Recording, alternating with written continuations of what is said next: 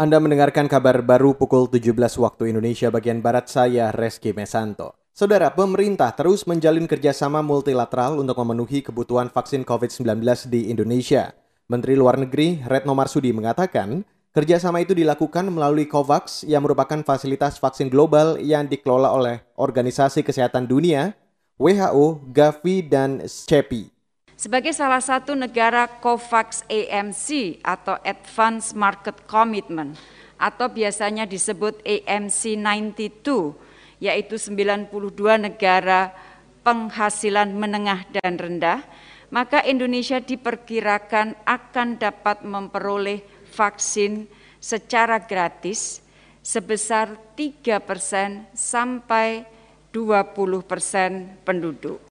Menlu Retno Marsudi mengatakan saat ini COVAX akan membahas sejumlah teknis penyaluran vaksin. Pembahasan rencananya digelar di Jenewa melalui gabungan gugus tugas alokasi jelang akhir Januari ini. Retno mengklaim saat ini pemerintah berhasil mengamankan komitmen dan pasokan vaksin dari Sinovac, AstraZeneca, dan Novavax, sementara dengan Pfizer dan Moderna masih terus dilakukan pembicaraan.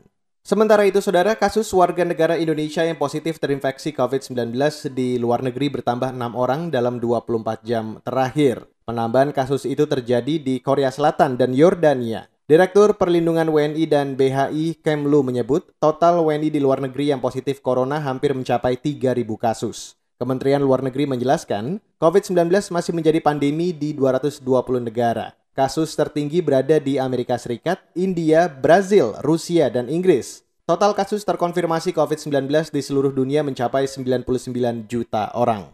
Saudara, sebuah studi terbaru NASA menyatakan menghangatnya air laut disebabkan pemanasan global yang mempercepat mencairnya lapisan es besar atau glacier di Greenland. Sebanyak 28 triliun ton mencair di seluruh dunia sejak 1994 hingga 2017.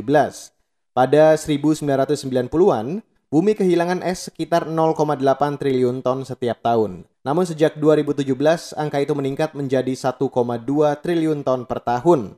Angka-angka yang dipublikasikan dalam Science Advance menunjukkan glacier terbesar dan terdalam di Greenland mencair lebih cepat. Mereka lebih banyak terpapar air laut yang memanas karena perubahan iklim. Glacier yang mencair di negara itu adalah salah satu penyumbang kenaikan permukaan laut terbesar. Demikian kabar baru KBR saya Reski Mesanto.